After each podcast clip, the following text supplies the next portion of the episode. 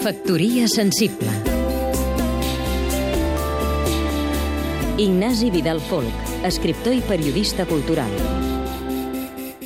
El dia del llibre vaig anar a Madrid, convidat per la Consejeria de Cultura, a conversar amb Andrés Trapiello sobre diaris i dietaris. Ja sabeu que amb els 17 volums del seu Salón de los Pasos Perdidos és el millor representant d'aquest gènere literari a les nostres lletres.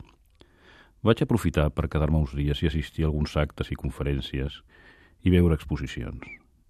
Em vaig sorprendre en els àmbits culturals públics de la capital, parlant en català amb tanta freqüència com ho faig a Barcelona.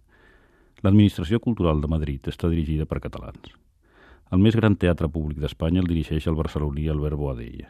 El Departament de Cultura de l'Ajuntament el dirigia fins fa poc Alicia Moreno Espert, filla de l'actriu Núria Espert, i ara el porta Fernando Villalonga, valencià catalanoparlant. La direcció dels museus, les biblioteques i el patrimoni de la comunitat la porta la barcelonina Isabel Rossell. I el Museu d'Art Contemporani més gran del país, el 2 de maio, el dirigeix Ferran Barenblit, nascut a Argentina, que abans dirigia el Centre d'Art Santa Mònica. Al Reina Sofia, on s'ha inaugurat l'exposició Dalí, vaig tenir ocasió de xerrar amb Manolo Borja Vilell, que malgrat els anys que va viure a Barcelona dirigint la Tàpies i el MACBA, ha sabut preservar el seu entranyable accent valencià. Vaig tenir ocasió d'escoltar el pregó de la Fira del Llibre Antic Educació, que va fer el també barceloní Félix de Azúa, que per cert parla un català d'extrema precisió i elegància.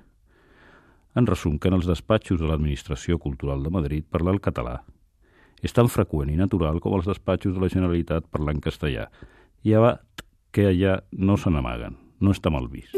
Factoria sensible